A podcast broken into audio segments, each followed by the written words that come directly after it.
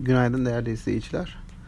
Dün yurt dışı piyasalarda iyimserliğin korunduğunu gözledik. Özellikle COVID-19 teşhisiyle hafta sonu hastaneye yatan ABD Başkanı'nın kısa sürede taburcu edilmesi ve bu haberlerin piyasada yayılması ABD hisse piyasalarını destekledi ve burada bir e, getiriler devam etti.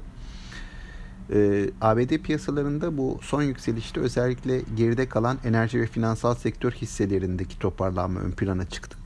Bu sabah itibariyle baktığımızda da ABD vadelerinde o temkinli iyimserliğin korunmaya çalışıldığı görülüyor. Asya piyasalarında da artılar var.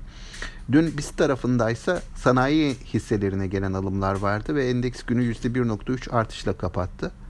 E, bizim tarafa baktığımızda yazılım ve teknoloji hisseleri getiri açısından ön plana çıktı. Bankalardaysa bir miktar daha zayıf bir eğilim vardı.